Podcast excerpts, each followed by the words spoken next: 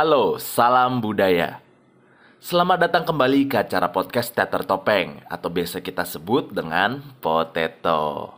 Sebelum kita pergi lebih jauh, izinkan aku memperkenalkan diri terlebih dahulu nih teman-teman.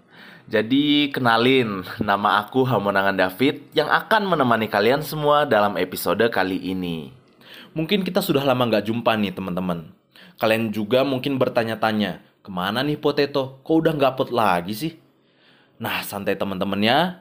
Dalam rentang tidak aktifnya kami, kami telah menyusun berbagai pembahasan yang menarik dan tidak mainstream pastinya untuk kami sajikan kepada kalian semua. Tanpa berlama-lama lagi, topik menarik yang akan kita obrolkan hari ini adalah multiple generation. Nah, jadi kita akan membahas seputar dunia teater pada beberapa era nih. Mungkin sekarang aku bakal langsung minta teman-teman kita mungkin ya yang akan ikut meramaikan pembicaraan kita saat ini untuk memperkenalkan dirinya masing-masing. Oke, di sini ada Kang Uta. Halo Kang. Boleh perkenalkan diri kepada kita semua nih? Uh, Oke oke. Uh, saya perkenalkan nama aku Ida Bagus Uta, biasa dipanggil Uta. Uh, kuliah angkatan 2013 di Telkom University. Dari kalau teater kampusnya dulu di Teater Titik Telkom, kalau sekarang lagi aktif di Teater Samana. Oke, makasih Kang. Selanjutnya Kak Feni. Boleh Kak, silakan. Uh, perkenalkan, aku Feni uh, dari Universitas Kesemaranata dari uh, Teto. Aku tuh angkatan 2013 sebenarnya. Cuman kalau di Tetonya itu di angkatan 2014. Cuman kalau sekarang itu lagi aktif di Teater Samana juga. Dan yang terakhir di sini ada Anissa. Silahkan Anissa. Halo, perkenalkan nama aku Anissa, uh, dipanggil Anissa. Aku dari Teto angkatan 2018. Oke deh, itu dia teman-teman nama-nama yang harus teman-teman ingat. Ada Kang Uta, Kak Feni, dan Anissa. Jadi narasumber kita ini yang bakal menemani kita dalam membahas multiple generation. Aku mau langsung nanya aja nih ke Kang Uta nih. Kang Uta ini kan 2013 ya tadi ya dibilang ya, di teater di Telkom. Nah, pandangan Akang tentang teater pada zaman Akang ini gimana sih? Kalau dari sudut pandang aku, ya dulu kan teater di yang aku teater titik yang di Telkom itu kan juga baru lahir tuh kan juga tahun 2014 uh, aku juga jadi salah satu pendirinya. Jadi pada zaman itu tuh kan kami dari beberapa daerah tuh. Nah, aku aku dari Jawa Timur terus ada temen juga dari Jakarta dari Sumatera gitu. pada saat awal merintis teater titik kan jadi kami dari berbagai macam daerah dan berbagai macam budaya dan juga berbagai macam uh, ini budaya teaternya di masing-masing dulu gitu kayak mungkin ada yang pas SMA-nya udah udah ikut teater kan gitu kan. Ya contoh kayak aku gitu di di Jawa di Jawa Timur kan lumayan deket kan sama budaya tradisi kayak ludruk kayak ketoprak mungkin kalau Jawa gitu. Pewayangan segala macam lah gitu tradisinya masih kental terus kayak mungkin teman-teman yang di Jakarta gitu dengan dengan gaya urbannya mereka. Mungkin kalau ada di Sumatera gitu dengan uh, Melayu gitu kan kalau mereka tuh uh, kerajaan-kerajaan gitu. Jadi awal dulu di titik ya kita ada proses itu sih ada proses peleburan gaya nih ya. Kita, kita kira kita mau pakai gaya seperti apa sih gitu? Kita mau pakai pendekatan tubuh teater yang seperti apa sih gitu? Ya kan mungkin yang umum kan apa kita mau realis kita mau surrealis eksperimental. Nah paling ya di awal titik yang aku rasain dulu ya seperti itu sih uh, proses penggodokan gitu kita mau mau teater yang seperti apa. Ya hmm. paling gitu sih. Oke kang. Jadi kang Mut ini lebih memper apa ya mempersatukan pandangan antara zaman akang dengan tempat akang berada gitu kang ya? Ya, ya karena ya itu itu itu pasti bakal tidak bisa lepas dari kita kan. Itu kan proses proses pertumbuhan kita sendiri sendiri gitu dalam segi sudut pandang gitu. Jadi saat pendewasaannya, karena akhirnya kan di Bandung gitu kan, pun juga di Bandung kan juga punya stylenya sendiri kan, Bandung juga terkenal realis gitu. Nah pasti kan tuh itu tuh banyak benturan, banyak penyesuaian kayak gitu sih. Oh yang aku dulu ya yang ngerasain. Oke Kang. Mungkin kita lanjut ke kafe ini nih, karena kita lihat kayaknya 11-12 generasinya nih. Gimana Kak pendapatnya Kak? Uh, kalau dari aku agak bingung ya kalau misalnya kita bicaranya secara generasi gitu. Karena yang aku lihat, kita kan berpandangnya dari teater kampus ya. Hmm. Teater kampus itu tuh beda gitu dari kampus tiap kampus pun berbeda. Jadi kalau misalnya kita bilang generasi pun akan berbeda lagi gitu.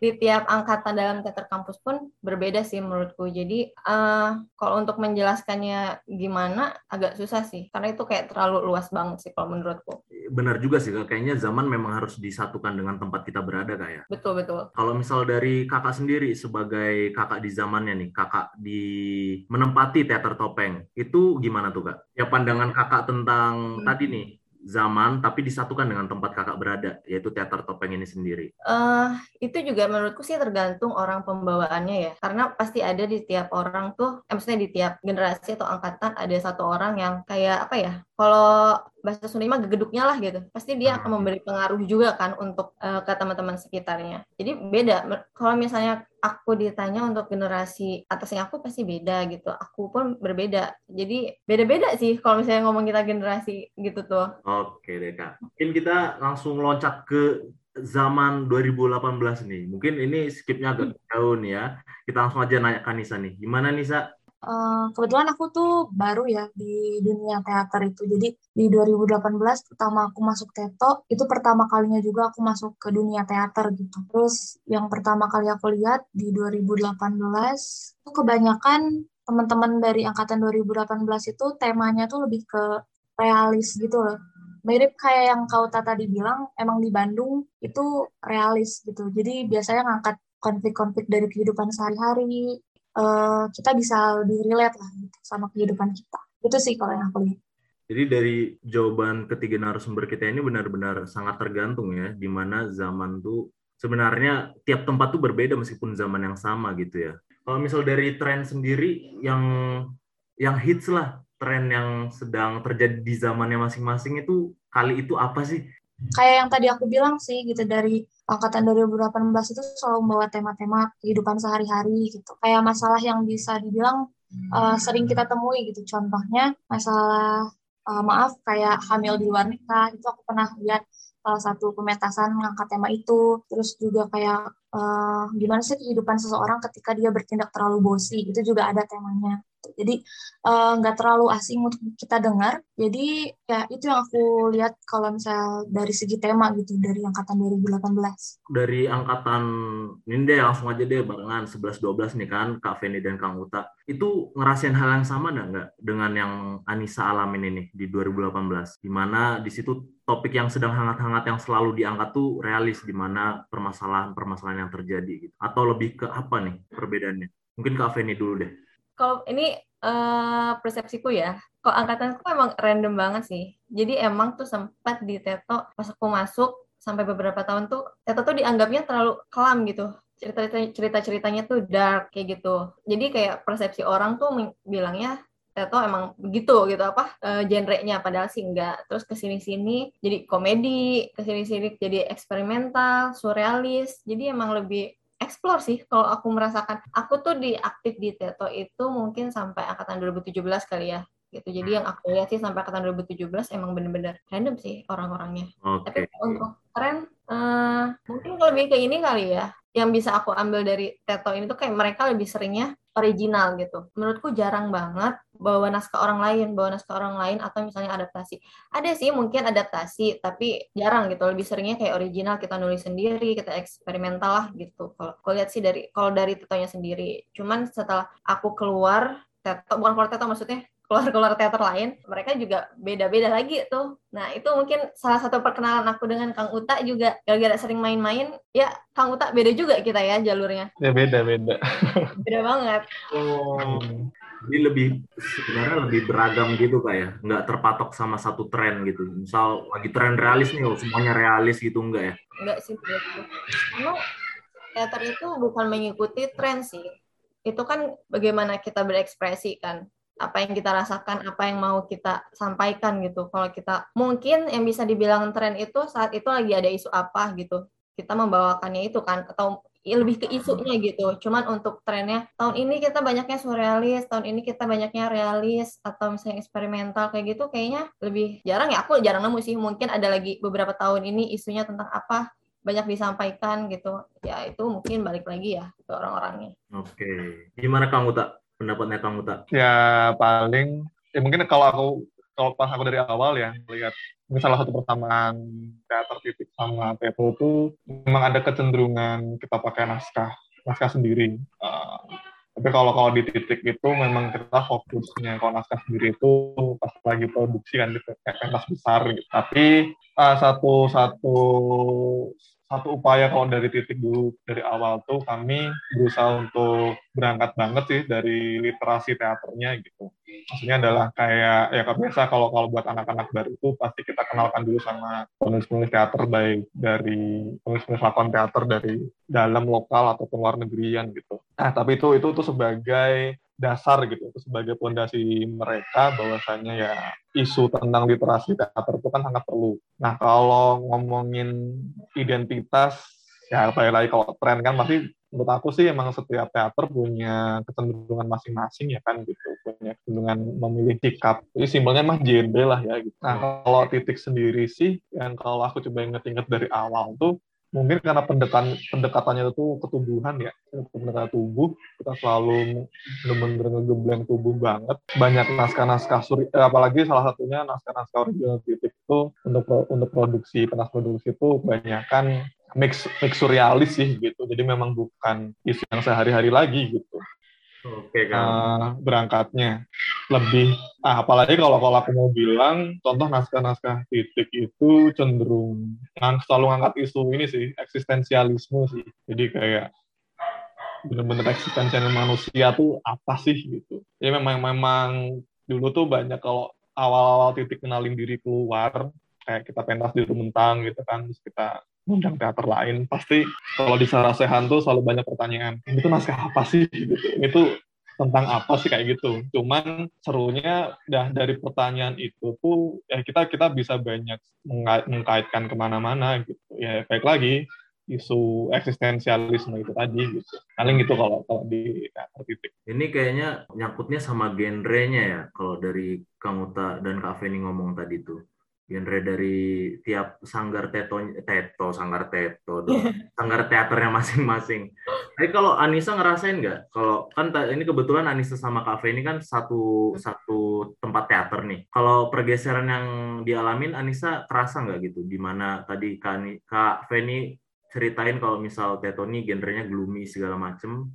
Memang kalau di angkatan Anissa masih kayak gitu? Masih sih. Kalau misalnya aku lihat uh, yang dibilang Kak Feni kayak random gitu, sebenarnya masih kelihatan juga gitu sampai sekarang uh, tiba-tiba bawain apa terus misalnya besoknya tuh uh, temanya tiba-tiba ganti 180 derajat beda sama yang kemarin. Itu juga sering kelihatan. Emang benar sih yang kata Kak Feni gitu aku juga rasain sampai sekarang randomnya. Hmm, kita kayak gitu gitu masih ya iya. Oh jadi tren mah nggak kepatok sebenarnya ya tren dalam tiap zaman tuh karena ya benar juga kata Kak Feni atau Kang Uta nih teater mah bebas untuk ngungkapin ngungkapin ekspresi jadi lahirnya tuh memang tren yang beda-beda gitu ya tapi kalau misal dari ini sendiri dari hal yang paling berkesan di zamannya sendiri yang kalian rasain apa nih kayak mungkin entah kesan entah mungkin hal yang hangat-hangatnya di zamannya gitu. Kalau dari ini dulu deh, Kang Uta dulu. Udah zaman dulu belum ada tuh viral-viralan. Tapi uh, ya kalau dari kalau benar-benar di terus gitu ya yang berkesan dari aku sendiri ya mungkin kalau kayak kata Fanny tadi gitu melihat kerandoman tapi kalau kan mungkin melihat kerandoman dari berbagai teater yang ada gitu. Maksud aku karena ya dulu sih salah satu niatku kayak keluar dari titik dalam artian keluar melihat seluruh Bandung itu tuh kayak gimana sih gitu uh, teaternya di Bandung atau tempat teater kampus kayak gimana sih? Nah di situ sih ya aku belajar apa namanya gimana sih masing-masing sanggar itu menyajikan gitu apa yang mereka percaya ya dalam kutip maksudnya. Kayak aku aku inget banget tuh kalau ngeliat di Teto tuh dulu kayaknya aku lihat awal tuh Mostrap jujur sih itu tuh aku amazing banget sih nonton Mostrap itu gitu karena ya dulu mah bahasanya wah ini ini ini bar, realis barat tapi kayak seru tuh ya kan gitu. Okay. Itu terus mungkin kayak ngelihat tema dua tiga gitu kan contoh kayak dia kan juga pure realis gitu. Tapi terlebih uh, utamanya tuh nyajiin realis-realis Indonesia zaman 50-an gitu kan dengan naskah-naskahnya Utuy gitu atau mungkin naskah-naskahnya Sulsani. terus mungkin ada ke teater cerobong pabrik itu dengan artistik yang sangat megah gitu kan tata panggungnya ini tata lighting. Jadi kayak ya itu sih yang bener-bener aku nikmatin di awal umur-umur awalku berteater di Bandung gitu. Jadi kayak akhirnya dari semua yang aku lihat di luar, nah aku balik tuh balik lagi ke, ke kampusku, maksudnya balik dengan sharing gitu kan. Nah di situ mungkin kita kalau yang aku kemarin ini, oh ya udah, uh, kita pun juga it's okay kalau kita pakai genre kita sendiri gitu. Nah karena itu itu idealis kita gitu. Hmm. Ya wajar lah gitu teater harus harus juga punya pegangan idealis gitu agar agar apa ya lebih baku aja gitu kan proses berpikirnya, proses analisisnya paling kayak gitu sih zaman awal-awal merintis teater ya. Jadi kesan dari tren sendiri sebenarnya bisa ngubah tren di tempat kita sendiri ya pada akhirnya gitu ya. Kalau dari Kak Feni sendiri gimana Kak? Yang paling berkesan ya? Uh, kalau aku sih yang mungkin ya yang paling agak berkesan dan agak berdampak itu zaman zamanku tuh aku sering main keluar kampus gitu kalau itu emang benar kata yang tadi Kang Uta bilang banyak menemukan ciri khas-ciri khas dari setiap kampus. Tapi sebenarnya dari teater-teater itu juga kadang ada yang nggak mendeklarnya mereka. Kita tuh gini loh kita tuh gitu. Nggak tapi kayak dari pandangan orang tuh terbentuk oh si A tuh begini kayak tadi misalnya uh, ada yang artistik yang begitu meg apa megah, ada yang dari realis banget, itu kan dari terbentuk sendiri gitu kan. Hmm. Nah itu juga yang aku bawa akhirnya ke Teto waktu itu. Dan akhirnya sempat di pementasan gabungan ngajak tuh anak-anak teater kam eh, anak-anak teater yang lain untuk main di di Teto itu kita gabung beberapa teater dan bikin satu pentas dan itu menurutku sangat berkesan sih karena benar-benar tiap kampus tuh kan beda-beda ya aku lupa itu ada siapa aja.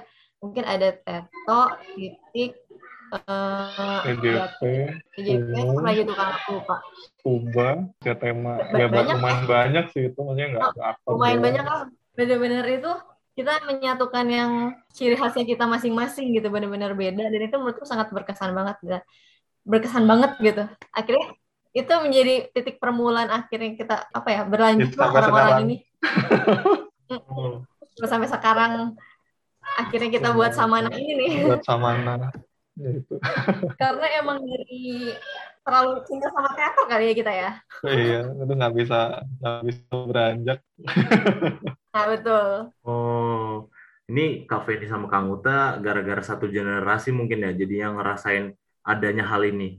Jadi kalau Anissa sendiri mungkin ada nggak sih yang ngerasa hal serupa kayak Kang Uta dan kafe ini di mana oh saya belajar keluar, saya mendapat ilmu, saya membagikan ke tempat asli saya. Jadi pergeseran itu terjadi secara jelas atau secara kelihatan gitu pergeserannya gitu. Kalau di Anissa sendiri ada nggak? Kalau aku sendiri kebetulan cukup beda ya sama Kang Uta sama Kak Feni. Gimana kalau Kang Uta sama Kang Feni itu selalu main keluar gitu. Kalau aku kayaknya uh, sampai sejauh ini masih di teto-teto aja gitu ling lingkungannya gitu dan kalau aku lihat di Teto yang paling berkesan sih ketika uh, Teto bikin pementasan besar gitu. Nah di situ tunjukkan. nah uh, kalau di ketika bikin pementasan besar itu uh, bukan cuma teaternya aja yang keren, tapi kayak dari setiap prosesnya dari awal sampai akhir itu bikin gimana ya uh, bisa diinget terus gitu bahkan setelah selesai kayak proses mungkin latihannya gitu walaupun aku nggak ikutan tapi ketika ngelihat proses latihannya tuh kayak oh ternyata uh, kalau misalnya orang udah mendedikasikan dirinya ke teater itu uh, sekeren ini ya gitu. Terus juga uh, gimana kerjasamanya gitu. Nah uh, hal ini juga ternyata uh, aku lihat di teater lain gitu. Nah kebetulan kan aku baru coba-coba uh, ngelihat ke teater lain tuh akhir-akhir ini ya gitu. Tapi itu juga masih sedikit-sedikit nah uh, ngelihatnya juga ternyata di teater lain yang namanya kerjasama dari awal sampai akhir itu ada gitu. Terus juga gimana komunikasi itu penting banget gitu dalam uh, proses pembuatan teater gitu. Tapi kalau misal aku lihat nih, kesan beda banget antara Anissa, generasi Anissa dan generasi Kak Feni, Kang Uta gitu.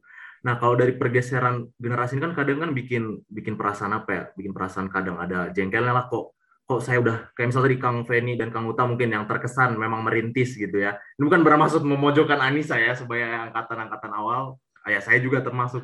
Hanya kan gitu merintis oh saya harus capek-capek dulu nih biar biar sanggar saya bagus nih sehingga apa yang mereka rasakan juga tadi lebih ke senang jadi bisa sharing banyak bisa buat banyak bisa belajar banyak sehingga bisa menanamkan ke sanggarnya sendiri-sendiri nah kalau misal dari saran sendiri ada nggak kayak tadi deh kayak wah ini antar generasi kok makin ke sini makin nyantai misal gitu itu ada nggak perasaan kayak gitu Kang Uta atau Kang eh Kang Feni atau Kang Feni.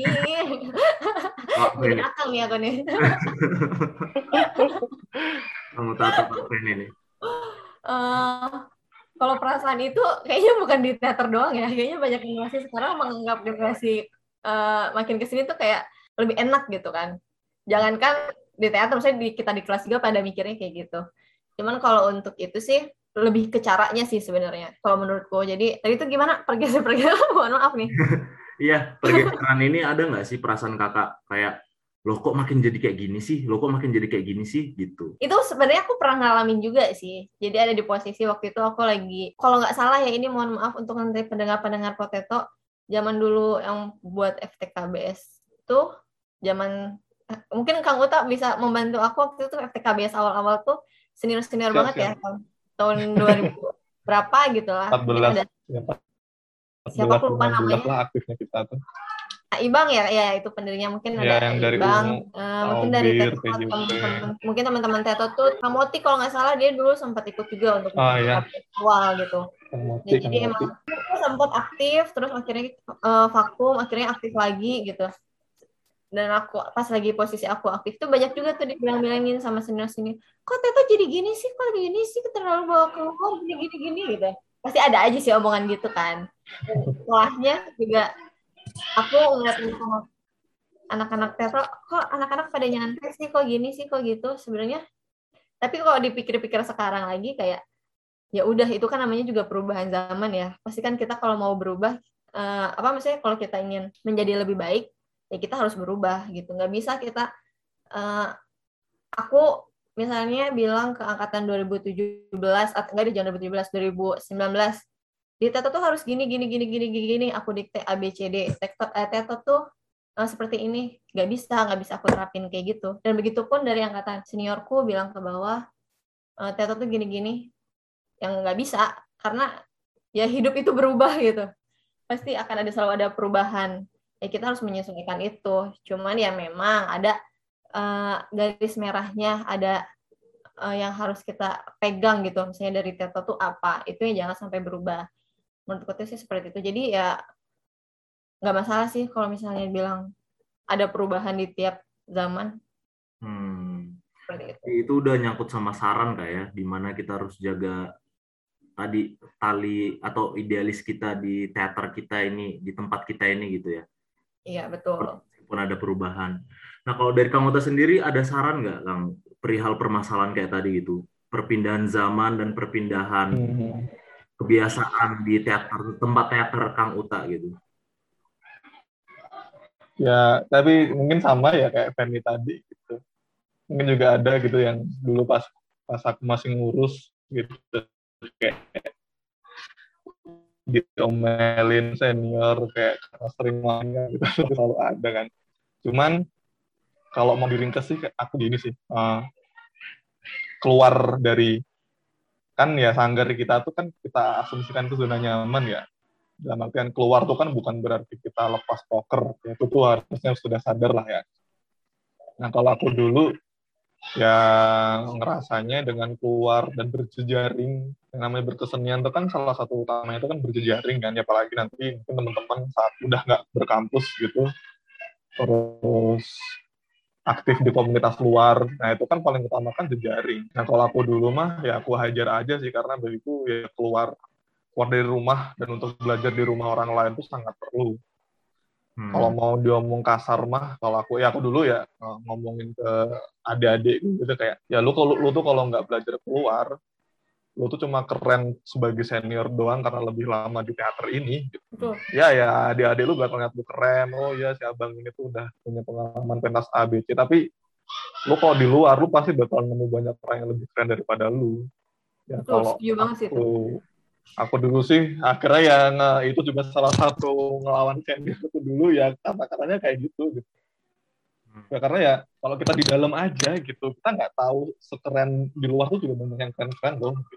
yeah. banyak diskusi banyak segala macem dan ya namanya ya teater kan proses belajar gitu masa kita ngerasa cukup banget sih kalau kita belajar di dalam teater kita doang ya kan? Dari bawahnya mah itu aja.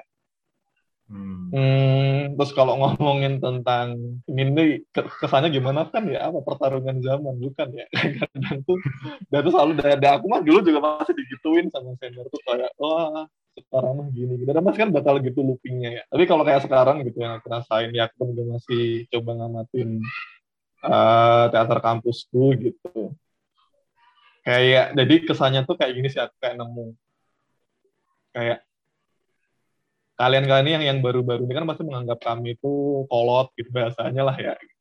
Kolot dan lebih cenderung konservatif kan gitu. Nah konservatif kan lawannya kan progresif kan ya. Hmm.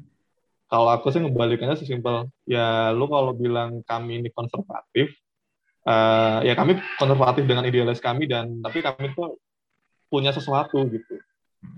Nah, saat diri kalian kalian kalian tuh progresif, ya mana progresnya kan gitu. Karena penyadarannya adalah keprogresifan kalian tuh sangat didukung banget loh kalau di zaman sekarang gitu. Di YouTube kan udah banyak banget komentasannya kan dan lebih terbuka kan dulu, dulu mungkin zaman zaman kayak sama kayak ini kan susah banget ya kan kita nyari komentasan di YouTube resolusinya yang bagus itu kan nggak ada itu jarang banget mau belajar materi teater pun juga dikit banget tapi kan sekarang dengan kemajuan teknologi gitu dan dengan apa namanya peralihan apa ya wahana dalam berteater gitu. Karena kita kan lebih seringnya online gitu kan media digital. Nah bagiku ya itu tuh pembuktian zaman kalian sebagai progresif gitu. Mana progres yang terbaru ya kan gitu. Kan kesannya orang tua kan pasti kayak mana nih gerakannya? Kan gitu kan mana nih? Nah bagiku ya ya malah kalian di zaman kalian sekarang tuh potensinya malah harusnya jauh lebih besar untuk bisa bikin apa pun hal-hal yang baru seperti itu gitu. Hmm. Dan yang angkatan-angkatan tua kan ya kita cuma menikmati aja dan mengapresiasi kan cuma bisa kayak gitu. Bukan bukan jadi kesannya nah bukan kayak ah ini senior seniornya cuma bisa ngomong doang kayak ya kita emang akhirnya bisa ngomong doang kan ya sekarang itu tempat milik kalian gitu kan ya ini gitu kan akhirnya Sanggar Teto kan milik yang baru gitu ya hmm. berprogres lah gitu ber, berkaryalah yang baru berkaryalah yang lebih fresh Waduh, sarannya memang memang agak agak benar menyinggung sedikit menyinggung dan dan benar-benar PR banget ya buat kita semua ya. Ya tapi yang angkatan sekarang tuh harus banyak disinggung kok. banyak yang tersinggung nih Kang Uta nih. Eh, itu salah satu yang jarang kita dengar loh, di mana senior itu harus benar-benar membimbing lewat kan sekarang-sekarang kan mungkin makin memang pergeseran makin kayak ah udahlah ini memang ini memang generasi generasi saya mah gini memang gini hmm. nah, sampai-sampai seniornya sendiri juga udah sebelum ngasih tahu udah keburu males gitu atau keburu gak enak gitu untuk ngasih tahu tapi ini benar-benar penting untuk didengar sih kalau misal dari Kang Uta dan Kak ini nah tapi kalau misal dari Anissa sendiri nih yang sedang ibarat sedang inilah sedang menjabat-jabatnya sebagai ketua teater topeng nih. Ada nggak sih saran yang saran yang benar-benar ketahan di Anissa gitu atau saran yang benar-benar Anissa pengen banget sampaikan gitu ketika mungkin ada yang merasa apa ada yang merasa oh kok kok ini nggak sejalan dengan idealis kami gitu kok anda seenaknya gitu misal? Gak ada sih, tapi uh, aku setuju sama Kang Uti sama Kak Penny, di mana setiap generasi itu punya caranya masing-masing gitu untuk berteater atau untuk uh, yang melakukan kegiatan teater gitu punya caranya masing-masing, tapi uh, tetap harus ada benang merahnya itu tadi, gitu. cirinya dari teater topeng atau cirinya dari teater uh, yang lain itu apa gitu, yang kayak gitu sih yang harus dipertahankan gitu. Penting juga untuk tahu teater luar itu seperti apa, mungkin sebatas kenalan dengan orang yang ada di teater luar juga ternyata bisa mengubah uh, cara kita berteater gitu. Nah tapi uh, walaupun sering keluar tetap ingat gitu kayak kita tuh punya benang merah kita punya cirinya masing-masing gitu setiap teater pasti punya cirinya masing-masing jadi jangan terlalu jauh tapi juga jangan di sini-sini aja gitu jadi harus explore harus terus uh, apa ya cari tahu uh, perkembangan zaman itu kayak gimana gitu. Walaupun memang tadi setiap generasi punya caranya masing-masing, tapi kan kita juga harus tahu kayak uh, oh misalnya di zaman ini tuh teaternya kayak gini ya harus ikut beradaptasi juga gitu, tapi dengan caranya kita. Tapi aku mau ini nih, aku mau sekarang mau nyangkutin sama pandemi nih. Uh, kan nggak bisa dipungkirin dong angkatan-angkatan kita yang pandemi juga kan kasihan juga gitu yang nggak bisa merasakan tadi mungkin atau mungkin bisa jadi beberapa hal yang pengen dicoba seperti bermain keluar ketahan gara-gara pandemi ini. Nah, kalau misal dari pendapat kalian nih perihal tadi untuk menggali menggali apa ya? Menggali ilmu teater sebesar-besarnya nih di kala pandemi ini. Apa sih yang harus dilakukan gitu? Semua orang juga menyesali ya. Kesel banget ini pandemi nggak beres-beres gitu. Udah mau jalan dua tahun berarti kita ya hampir dua tahun. Ya, hampir dua tahun kak. Tapi pasti aja ada hal-hal positif yang bisa kita ambil gitu. Emang kita nggak bisa pentas offline, nggak bisa di panggung bener-bener terus ada penonton banyak diapresiasi gitu kan nggak bisa. Ya, ya emang apa the power of kepepet kita harus mikir lebih kreatif kan. Hmm. tapi satu hal yang yang paling aku ngerasa tuh uh, sekarang tuh jadi lebih banyak kelas-kelas online tentang teater. Berbagai apa pun itu entah uh, teater, uh, kelas teater atau misalnya cuma diskusi gitu atau mungkin Kang Uta juga sering nih aku sering dengar beliau ikut-ikut kelas kayak gitu itu menurutku malah lebih terbuka di saat pandemi ini gitu. Karena kemarin-kemarin bisa jadi lebih berbayar atau tempatnya jauh kita nggak bisa menjangkau. Nah di sini tuh malah jadi banyak kesempatan untuk kita kita kumpul-kumpulin dulu nih ilmu-ilmu gitu. Dan yang kelas-kelas online itu menurutku keren-keren sih. Dan itu satu hal yang setidaknya positif yang bisa kita ambil pas lagi pandemi ini. Hmm. kalau itu tapi emang bisa kak dari hal kayak gitu mendapatkan hal yang sama nih dengan ketika sebelum pandemi. Yang mana itu mungkin patokannya ini adalah generasi kakak gitu. Kalau hal yang sama pasti beda ya gitu. Lebih ke feel-nya sih. Tapi menurutku ilmunya mungkin bisa-bisa aja. Uh, ya sih. Karena ya aku sih ngelihat awal-awal pandemi kan banyak upaya dari ya banyak lah mau teater kampus even yang udah teater yang senior tuh kan berusaha untuk alih wahana kan dari offline ke online. Memang banyak upaya itu cuman akhirnya kalau ke sini sini ya even buat aku pribadi gitu cara yang paling yang paling dasarnya ajak-ajak tuh kayak yang bisa kita lakukan terus menerus gitu tuh emang memperkaya diri. Salah satunya dengan keilmuan teater gitu. Karena kayak contoh nih ini akhirnya kalau aku coba buat konfusi bagi sendiri dan mungkin sama lingkungan komunitasku ya kayak udah kita mau maksain latihan tubuh online tuh bahkan kayak gimana sih kan gitu. Kita kan pasti nggak bisa gitu. Tapi yang aku sadar itu yang harus kita latih itu agak otak dalam artian ya pikiran gitu kekayaan materi kita bahas-bahas naskah kita bahas diskusi naskah itu tuh menurut aku kayak jadi satu subtitut yang cukup bagus gitu. Karena ya maksud aku teh ya ketika kita dulu kan kesannya tuh kayak ya udah kita acting apa ketuduh kita ya oke lah pasti olah rasa segala macam. Teman kan kadang basic basic tentang informasi atau pengetahuan teater itu kan pasti banyak masih yang kurang gitu. Kayak kita bisa bahas contoh mungkin naskahnya menunggu Godot Samuel Beckett gitu Nah, itu kan salah satu naskah yang legendaris juga kan gitu kan. Ini tentang apa sih kan gitu.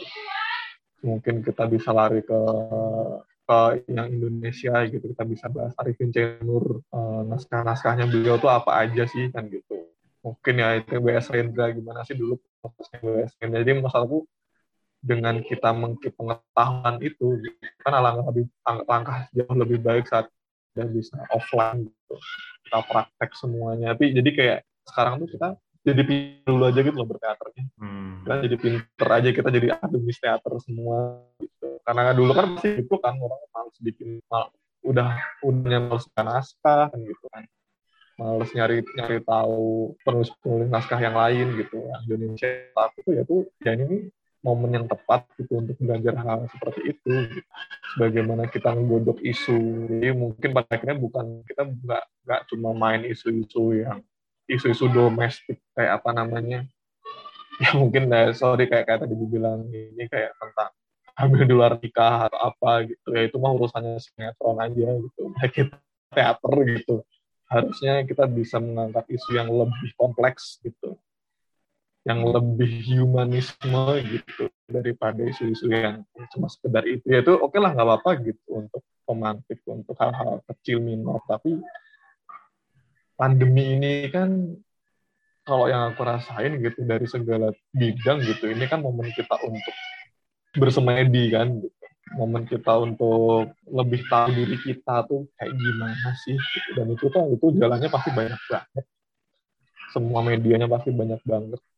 Akun-akun teater teater apa kelas-kelas acting pun juga banyak gitu. Dan gak cuma ngomong tentang tubuhan tapi fokus di apa bagaimana eksplorasi jiwa eksplorasi pengetahuan teater. Ya itu sih yang yang selama ini aku rasakan gitu. Karena emang mau pentas di depan kamera latihan itu pasti juga artifisial juga kan. Tapi dengan memperkaya pengetahuan kita tuh pasti nggak akan rugi kok gitu. Worth it banget. Kalau Anissa sendiri gimana Anissa? Kalau menurut aku ya ini waktunya yang tepat sih buat kita uh, lebih belajar tentang teorinya kali ya.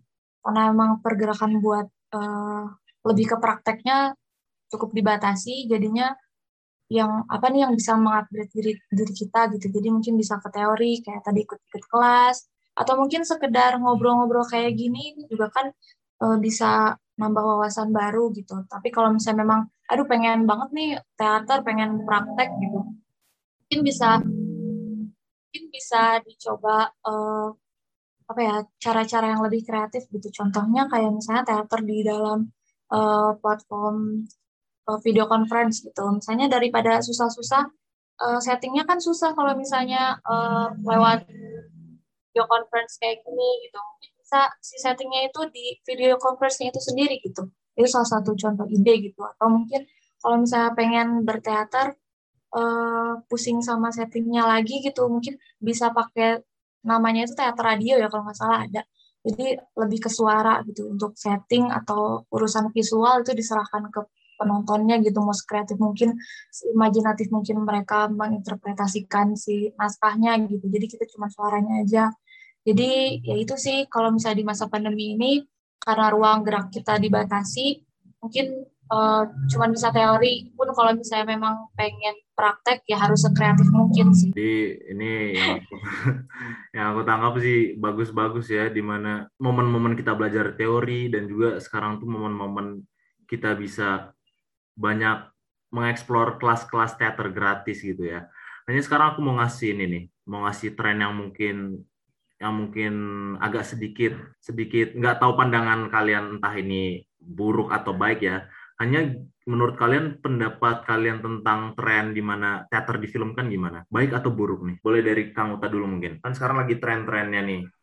Kayak Kang Uta sendiri ngomong tadi, sekarang tuh butuh skill yang memadai terlebih teater difilmkan. Nah itu tren teater difilmkan ini gimana Kang? Aku kemarin tuh sempat ngobrol sama namanya Pak Dedi Warsana. Beliau beliau sangat aktif sih untuk di dunia teater di Bandung gitu. Uh, celah-celah langit, main teater gitu. Dia juga uh, selalu main di teater neo kan di Nah, satu obrolan sama beliau itu pokoknya adalah nemu gitu ada satu satu apa penggawa teater Bandung juga gitu yang bilang oh dia tuh nggak pernah mau gitu main di depan kamera kan gitu kan karena pasti ya itu tadi bilang kalau pandangan konservatif kan ya teater kalau udah di kamera tuh ya bukan teater kan. Cuman gitu kalau kita akhirnya ngelihat di sekarang dan di kemajuan zaman gitu satu ya pesan yang aku tangkap tuh ya teater tuh kan yang berakting gitu. Anda sebagai seorang aktor gitu baik mau di depan kamera atau depan penonton ya akhirnya tuh kan kualitas aktor kalian gitu. jadi uh, ya udah banyak kayak gini gitu ya jangan terlalu eh, bahasanya bukan jangan terlalu idealis ya itu itu itu itu kiasan yang salah kita dalam artian kita lebih lebih pandai aja gitu loh dalam memanfaatkan media gitu nah, nih karena saat kita ngomongin oh nih teater yang maju tuh teater negara mana nah kalau teman-teman mungkin cobalah iseng-iseng teman-teman gitu nyari-nyari teater-teater yang ada di Inggris mungkin di. Uh, US gitu. Wah mereka tuh udah sangat teknologi. Apa namanya?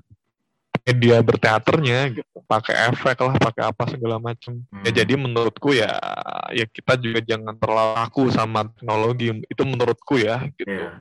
karena uh, teater nggak teater tuh bagiku ya kayak kita tuh beragama atau nggak beragama gitu yang bisa menilai itu kan antara Tuhan semesta kalau di teater ya yang nonton kita gitu kita actingnya goreng atau enggak menurut aku sih gitu jadi perkara mau teater film segala macam itu tuh cuma sekedar kiasan sih gitu itu cuma sekedar penamaan sih Kafe ini sama Anissa setuju nggak sama pendapat Kang Uta? Kalau aku setuju sih. Ya, aku setuju. Boleh kak? Oh, setuju doang sih di argumen ya. Iya, ya, udah dirangkum semua sama Kang Uta kan kita tinggal iya kan aja nih. Tinggal, tinggal hidung. Ini bayar ini bayaranku paling banyak berarti kan. Waduh kan kadang gini nih, kadang kan kayak tadi nih, kalau pendapat yang Kang Uta eh, yang nilai memang penonton. Nah, tapi kan feel penonton terlebih di Indo gitu ya. Generasinya kan ibarat loncatnya kayak terkat gitu jauh jadinya sebelum pandemi dan pandemi offline dan online sedangkan di luar tuh memang dari awal tuh meskipun offline memang ada tipe yang online gitu meskipun sebelum pandemi tetap ada yang perekaman gitu hanya kan di Indo ini hal yang baru Nah, kalau Kak Feni sama Anissa sendiri, apakah bisa gitu?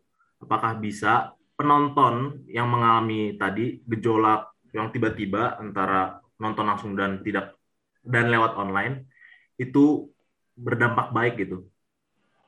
Dalam artian penampilan online di sini itu apakah baik atau buruk gitu? Kalau dari aku mungkin pasti ada kekecewaan ya uh, dari penonton kayak aduh biasanya nih nontonnya live uh, offline onsite gitu tapi sekarang tiba-tiba harus lewat layar gitu tapi ya mau gimana lagi gitu kondisinya lagi kayak gini uh, teat apa ya teater yang difilmkan ini jadi salah satu gak satu-satunya tapi mungkin jadi salah satu yang paling efektif itu untuk terus uh, berteater gitu jadi mau nggak mau ya harus kayak gini gitu mungkin uh, tinggal kita kemas sekreatif mungkin aja supaya uh, kesan yang gak enak itu atau kayak yang bosenin hanya nonton dari layar itu jadi bisa hilang gitu. Jadi ya harus lebih kreatif lagi aja. Gimana Kak Feni? Setuju. Setuju. Enggak ya, ya uh, setuju emang sama kamu sama Anissa. Ya kalau aku bilang pasti orang memilih nonton teater karena ingin live kan gitu pengen nonton langsung cuman ya kalau kita yang tadi aku bilang di awal kalau kita nggak akan mengikuti perkembangan zaman ya kita akan mati gitu ya udah nggak akan ada lagi tuh uh, kok ya maksudnya amit-amit kita lama nih gitu terus kita cuma stuck diem aja nggak melakukan hal apa pun kita nggak beradaptasi sama lingkungan sama keadaan ya kita akan mati gitu kalau menurutku sih kayak gitu. Jadi itu yang pentingnya benar-benar harus. Memang susah sih ninggalin apa budaya atau kebiasaan lama atau pandangan lama gitu hanya yang mau nggak mau gimana lagi di samping memang pandemi kita harus update zaman benar juga kata Kang Uta Kak Feni sama Anissa aduh ini pedal masih pengen ngobrol hanya sepertinya kita harus menyelesaikan obrolan kita pada kali ini tapi terakhir deh Kang, Kak, Anissa, nih aku mau nanya nih kata-kata penyemangat deh dari kalian untuk kami sebagai generasi teater yang mengalami pandemi dan sedang menekunin hal-hal berbau digital. Hmm. Boleh boleh berdasarkan pandangan generasinya, patokannya gitu, memberi sarannya boleh berdasarkan apa bebas. Yang penting ada nggak sih saran gitu untuk kita yang sedang bertarung di sini gitu. Mungkin bukan buat uh, adik-adik junior, aduh adik-adik junior lagi maksudnya. Kayak tua banget nih aku nih. Uh, untuk kita semua mungkin ya lebih tepatnya. Ya, benar, benar, benar. Orang ya kita di situasi yang emang nggak mudah gitu. Pasti semua orang capek. Tapi ya kita harus uh, yang tadi aku bilang kita harus bisa beradaptasi. Jangan kalau misalnya kita akan ter, kita, kalau kita terus-terusan menyalahkan keadaan, nggak akan ada habisnya gitu. Kita harus carilah hal yang bisa kita ambil positifnya. Kita harus cari enaknya lah gitu. Soalnya kalau misalnya kita cuman ngeluh ngedumel kayak kenapa sih? Kenapa ini? Kenapa gini? Kemarin dulu gini sekarang kayak gini? Ya lu nggak akan maju gitu. Ya pokoknya ya semangat lah kita berjuang bersama-sama gitu. Bukan bukan kamu doang yang merasakan hal ini, kita semua juga sedang berjuang. Itu sih kalau dari aku. Oke, Kak. Dari Kang Uta dulu nih ya. Intinya tuh harus berani sih. Kalau akhirnya di dikerucutin sampai satu kata doang, menurutku tuh ya kuncinya berani. Berani ini kan akhirnya banyak hal. Berani mencoba hal baru gitu pasti. Yang kedua juga harus berani dikritik ya. karena itu tuh itu harus harus saling berdampingan kan dalam hal development apa pun itu baik diri kalian sebagai diri masing-masing kolektif sebagai uh, sanggar teto gitu. Ataupun nanti di, ya ini pun juga nggak harus di teater doang kan gitu kan. Karena apa ya pandemi ini kan musibah terutama bagi orang-orang yang bergelut dunia kesenian kan gitu. Kalau mau ditarik paling dasar lagi itu ya yang aku percaya orang gitu pribadi manusia itu kelihatan aslinya tuh ya kalau kena musibah. Gimana dia cara bertahan hidup kan gitu. Ya, pilihannya kan ya dua ya lu mau jadi orang yang berani tanggung jawab atau jadi pecundang aja yang mundur gitu dan ini zona aman. Ya sarannya ya udah berani aja. Boleh langsung Anissa lanjut gimana Anissa? Uh, mungkin kalau dari aku terus explore gitu. Uh, explore teater explore ya semua yang ada di teater itu penting tapi juga jangan lupa untuk explore uh, teknologi yang ada apa yang ada di yang ada di zaman sekarang gitu supaya tadi kata Kak Feni kita nggak mati gitu supaya teaternya nggak mati.